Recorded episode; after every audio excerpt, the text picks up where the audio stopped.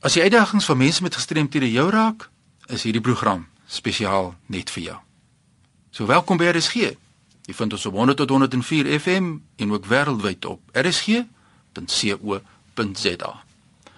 Baie dankie vir die terugvoer oor verlede week se program.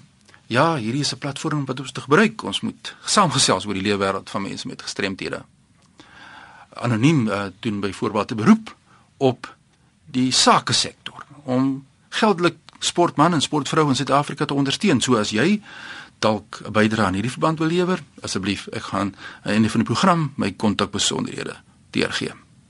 Maar kom ons leer vandag uit die leefwêreld van Will Scott van Kaapstad. Hi Fanny.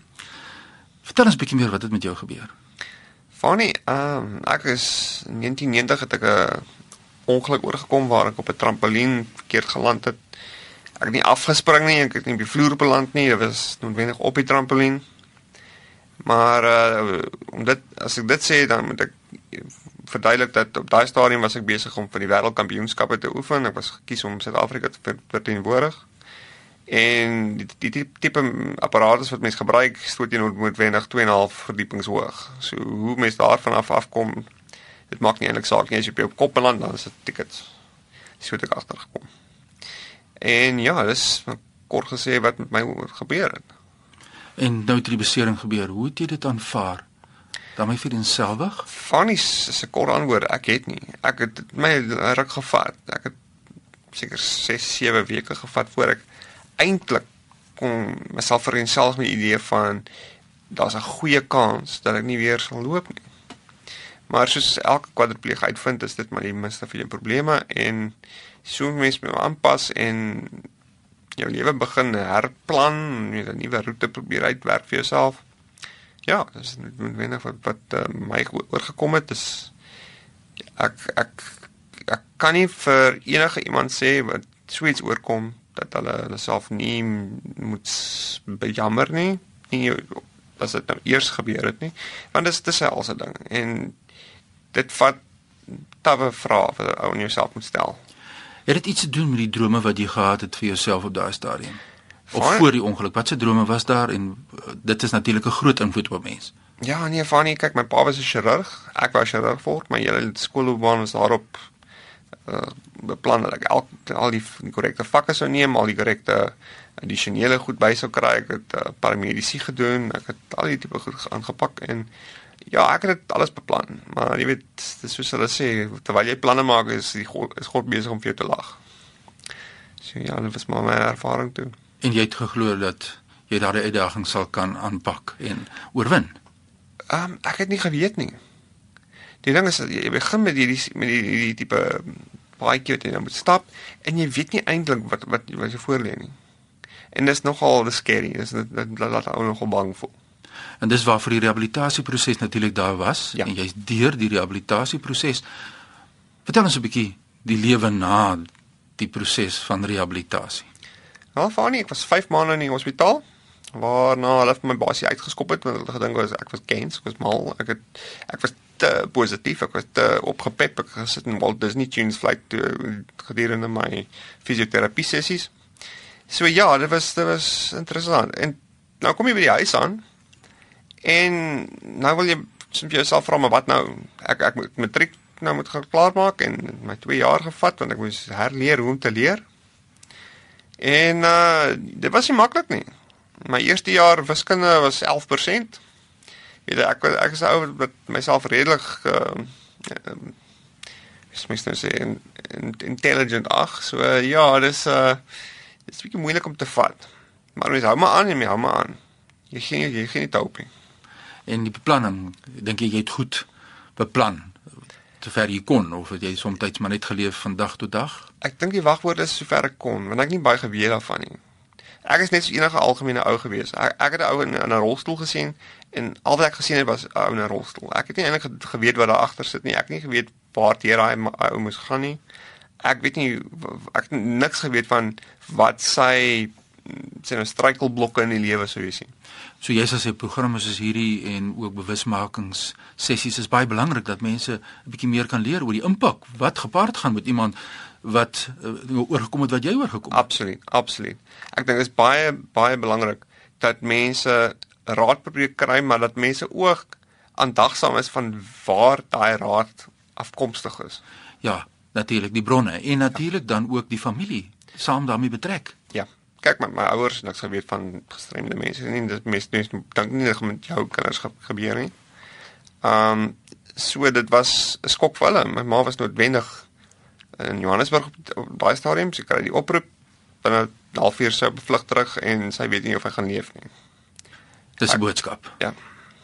Ja, ek weet nou by ons ingeskakel ek gesels met Will Scott en hy's van Kaapstad en ons kyk na die leefwêreld van iemand nadat so ongeluk gebeur het, soos in sy geval op trampolines wat hy ons vir ons verduidelik het en uh, die impak en ook die onkunde wat daarmee saamgaan en daarom is dit soveel waardering vir hierdie platform wat ons het om mense met gestremthede self die geleentheid te gee om te kan sê hier is ons.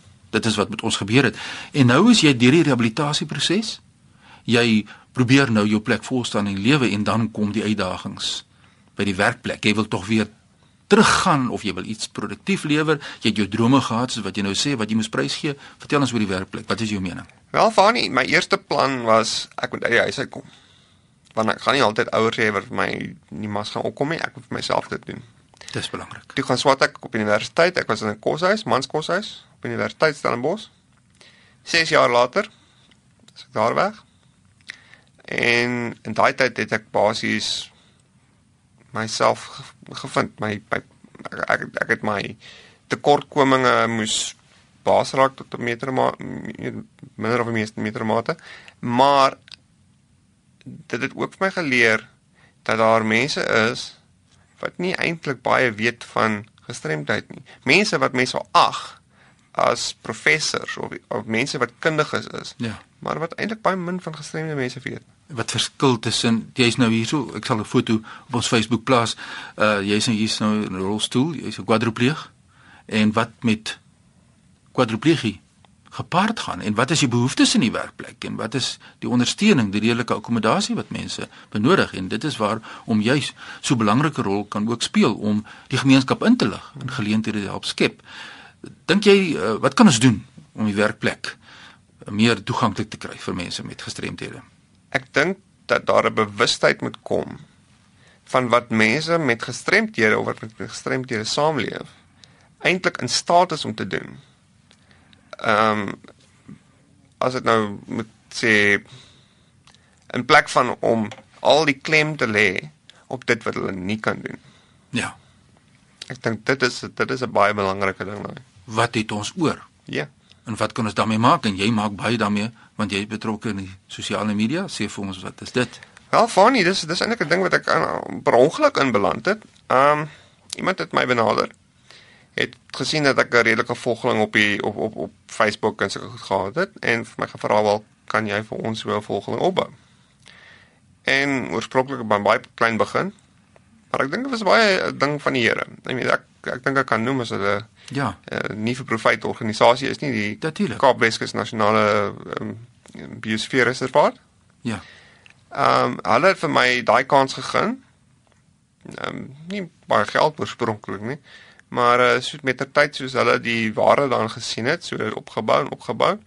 Ek het dan jy weet deur daai um, portal as ek dit so kan stel, het ek um, dan weer die vereniging vir persone met uh, gestremdhede ook aan boord gekry. Dis korrek. Ek het oorspronklik eintlik vir hulle vrywillige werk gedoen. Ja, so gaan die deure oop. So gaan jy deur oop. En die ding is is dat jy moet nooit opgee nie. Moenie ja. kwit nie. Ja. Moet moenie droom nee, prys gee nie. Moenie dat dit jou te bowe is voor jy dit nie vir jouself uh basies uitgevind het op ou. Daar luister baie mense vanmiddag. Ons gaan net nou jou kontak besonderhede deurgee. So iemand 'n pen en papier byderhand hou. Ek gesels met Will Scott en ons kyk sy drome. Ja, wat verander het, maar nou aktief betrokke in die sosiale media en natuurlik die rekenaarwese en die rekenaar self en die sosiale media is baie toeganklik vir jou as 'n mens met 'n uh, gestremdheid wat natuurlik dan nou tydelik geraak word op 'n fisieke wyse. Ons gaan 'n stadium by jou kom kuier by die huis en dan wil ek bietjie met jou gesels oor jou toerusting. Vandag is dan nou die tyd en hoe kry jy dit reg om so aktief te wees soos wat jy nou uh die uitdagings aanpak een vir een. So dit is 'n program op sy eie. Maar sê vir ons ter afsluiting van ons gesprek, as jy nie so 'n paar gedagtes het wat jy net vinnig wil deurgee aan die aan die breë gemeenskap. Kom begin by mense met gestremthede soos wat jy 'n mens met 'n gestremdheid is. Wat sê jy vir ons mense met gestremthede? Moenie die hype glo nie. Vind vir jouself uit waartoe jy in staat is. Luister, maar sif deur wat mense vir jou sê. Ek was naïef en ek het geluister vir mense wie ek geag het kennis sou dra oor meeste dinge. En ek sou vir enige iemand sê wat hier na hierdie uh, luister dat jy in meer toe in staat is wat jy dink. Moenie jouself kort. Dis wat ons nodig het. Ons het daardie positiewe boodskap van hoop nodig. Daar is lewe na gestremdheid, maar baie belangrik jouself jou eie ingesteldheid soos wat ons nou hier geluister het wat sê wil in tweede instansie ondersteunende strukture en mense wat iemand anders 'n geleentheid wil gee en wonderlik om te kan sê dat mense jou 'n geleentheid gegee het en uh, jy's 'n rolmodel en ek wil graag in later programme soos ek gesê het met jou meer gesels oor uh, praktiese dinge. So vreeslik dankie dat jy vir ons kom kuier het en uh, dat jy ja die pad hier aangepak het Geef ons jou kontak besonderhede. Dis my plesier van nie. Ehm um, my kontak eh, besonderhede, ehm um, mens kan my bel 021 556 7873. Maar ek is op social media. Ek ja. is op Twitter @gillum g u i l l u m of uh, soek vir my op Facebook William John Gillum Scott. Geef ons uit telefoonnommer net deur as iemand dalk wil skakel vinnig. Sekerlik is 021 556 7873. Dis die kontakbesonderhede van Will Scott van Kaapstad en ons soos ons geluister het, hy is 'n kwadripleeg en na trampolien ongeluk het hy die lewe op 'n ander wyse aanpak. Hy is nie anders nie. Hy doen dinge net 'n bietjie anders. Indien enige voorstel het in hierdie program, stuur die e-pos sommer nou aan my by fani.dt@mweb.co.za of volg my op Twitter by fanidreams of selfs deur middel van Skype, Facebook Jy kan my kry op Skype Fanny de Tooi 3, dan gesels ons oor die leefwêreld van mense met gestremthede. Die wêreld het klein geword deur middel van die tegnologie. Dan onthou Woensdaeoggende word hierdie program ook om 3:15 herhaal en die programme van Leefwêreld van die gestremde kan afgelaai word deur middel van Potgooi. Besoek rsg.co.za en volg die instruksies. Groetens uit Kaapstad.